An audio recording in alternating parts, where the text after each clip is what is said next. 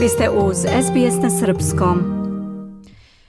Slušate SBS na Srpskom, ja sam Biljana Ristić. Ostanite sa nama, sledi tema iz zdravstva.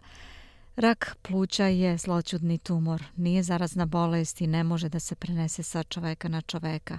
Među najčešće faktore rizika u nastajanju raka pluća spadaju pušenje, životna sredina, aerozagađenje i genetska predispozicija, odnosno nasledna sklonost.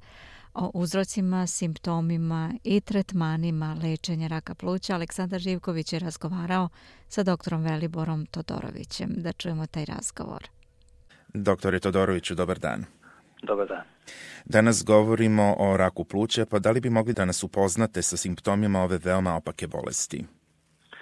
A rak pluća je bolest za koju karakterističan nekontrolisan ćelijski rast u tkivima pluća. Ako se ne leči, može doći do prošenja tog izraštaja van pluća putem procesa metastaze u okolna tkiva i druge delove tela. Većina kancera koji se začnu plućima, takozvani primarni plućni kanceri su karcinomi koji su poreklom od epitelnih ćelija.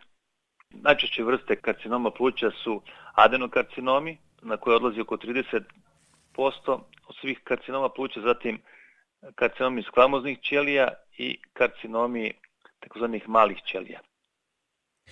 A kažete mi koji znaci i simptomi mogu da nagoveste da se radi o raku pluća? Znaci i simptomi koji mogu nagovestiti rak pluća uključuju respiratorne simptome kao što su kašalj, iskašljavanje krvi i zadihanost, zatim sistemski simptomi kao što su gubitak težine, groznica, krivljenje noktiju, umor, simptomi prozrokovani lokalnom kompresijom kao što su bol u grudima, kostobolja, obstrukcija gornje šuplje vene i oteženo gutanje. Ako rak raste u disanom putu, on može ometati protok vazduha, uzrokujući otežano disanje. Obstrukcija može dovesti do akumulacije sekreta iza blokade i predisponirati za zapaljenje pluća. Mnogi simptomi raka pluća, kao što su loš apetit, gubitak težine, groznice i umor, nisu specifični. Kod novih ljudi rak se već proširio izvan izvornog mesta do vremena kada počnu da imaju simptome i zatraže medicinsku pomoć. Česta mesta širenja uključuju mozak, kosti, nadbubežne žlezde, drugo plućno krilo, jetra, perikard i bubrezi. Oko 10% ljudi sa rakom pluća nemaju simptome prilikom uspostavljanja dijagnoze. Takav rak se slučajno otkriva prilikom rutinske radiografije grudnog koša. A kažite mi koji su glavni uzročnici ove bolesti? Rak se razvije putem genetskog oštećenja dezoksiribonukleinske kisline, takozvane DNK. Ovo genetsko oštećenje utiče na normalno funkcionisanje ćelije, uključujući ćelijsku proliferaciju, programiranu ćelijsku smrt i popravku DNK. Što se više oštećenja akumulira, to je, se rizik od raka uvećava. Pušenje naročito cigareta je najvažniji faktor koji doprinosi raku pluća. Dim cigareta sadrži preko 60 raznih karcinogena, uključujući radioizotope iz sekvence raspada radona, nitrozamina i benzopirena. Pored toga izgleda da nikotin smanjuje imunni odgovor na rast raka u izloženom tkivu. Pušenje je odgovorno za 80 do 90% slučajeva raka pluća. Pasivno pušenje, udisanje dima, pušenje druge osobe i uzrok raka pluća kod nepušača. Pasivni pušač se može klasifikovati kao neko ko živi ili radi sa pušačem. Istraživanje u Sjedinjenim američkim državama, Evropi, Ujedinjenom kraljevstvu i Australiji su dosadno pokazala značajno povećan rizik među onima koji su izloženi pasivnom pušenju. Oni koji žive sa pušačem imaju 20 do 30% veći rizik, dok oni koji rade u okruženju sa dimom iz takozvane druge ruke imaju 16 do 19% povećani rizik. Istraživanja sekundarnog dima nagoveštavaju da je opasniji od direktnog dima. Azbest takođe može prozrokovati različite oboljenja pluća, uključujući rak pluća. Pušenje duvana i azbest imaju sinergističko dejstvo na formiranje raka pluća. Azbest može da prozrokuje rak plućne maramice koji se zove mezotelijom, koji se razlikuje od raka pluća. Spoljašnje zagađenje vazduha ima slabo dejstvo na povećanje rizika od raka pluća. Fine čestice i sulfatni aerosoli koje se mogu oslobađati saobraćenim izvornim gasovima povezani su sa blago povećanim rizikom. Za azot dioksid postepeno povećanje od 10 delova na milijardu povećava rizik raka pluća za oko 14%. Procenjuje se da je spoljašnje zagađenje vazduha odgovorno za 1 do 2% raka pluća. Procenjuje se da su za 8 do 14% raka pluća zaslužni nasledni faktori. Kod srodnika obolelih od raka pluća rizik se povećava 2 do 4 puta. Za ovo je verovatno zaslužna kombinacija gena. Doktore Todoroviću, kažite mi kako se diagnostikuje ova bolest? Radiografija grudnog koša je jedan od prvih koraka ispitivanja ako osoba prijavi simptome koji sugerišu karcinom pluća.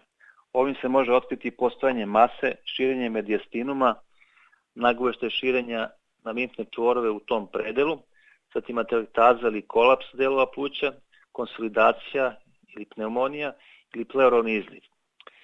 CT snimanje se obično koristi za dobijanje više informacije o tipu i obimu bolesti. Bronhoskopija ili biopsija pomoću CT skena se često koriste za uzimanje uzoraka tumora za histopatologiju.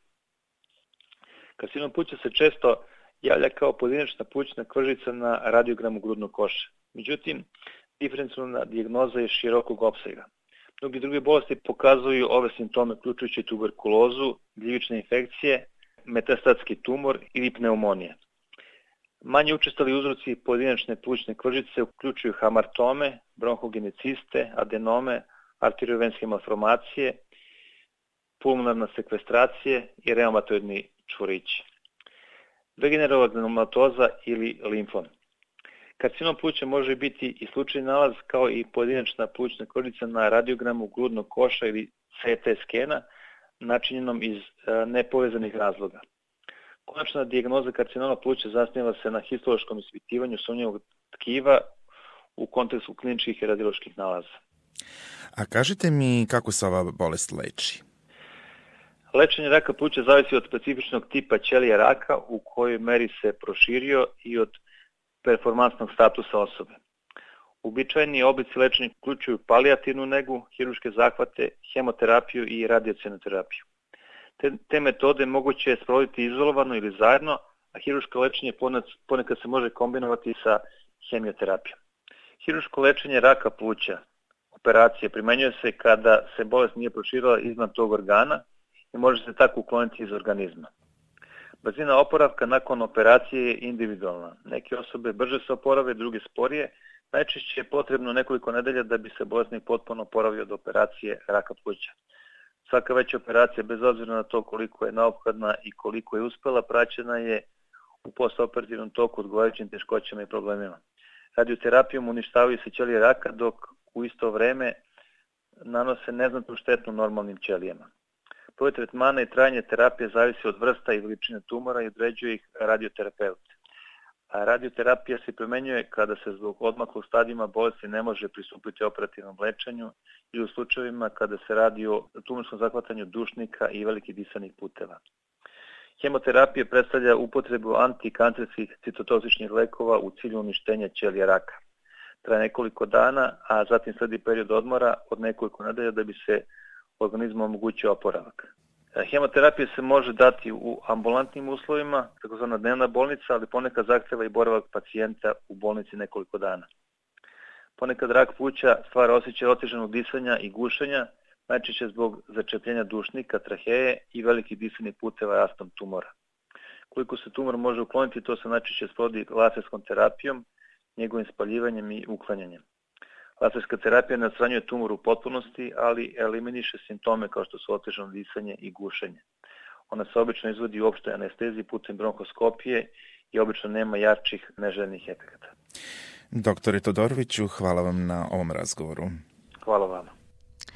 O uzrocima, simptomima i tretmanima lečenja raka pluća Aleksandar Živković je razgovarao sa doktorom Veliborom Todorovićem. Slušate program na srpskom, ja sam Biljana Ristić. Želite da čujete još priča poput ove? Slušajte nas na Apple Podcast, Google Podcast, Spotify ili odakle god slušate podcast.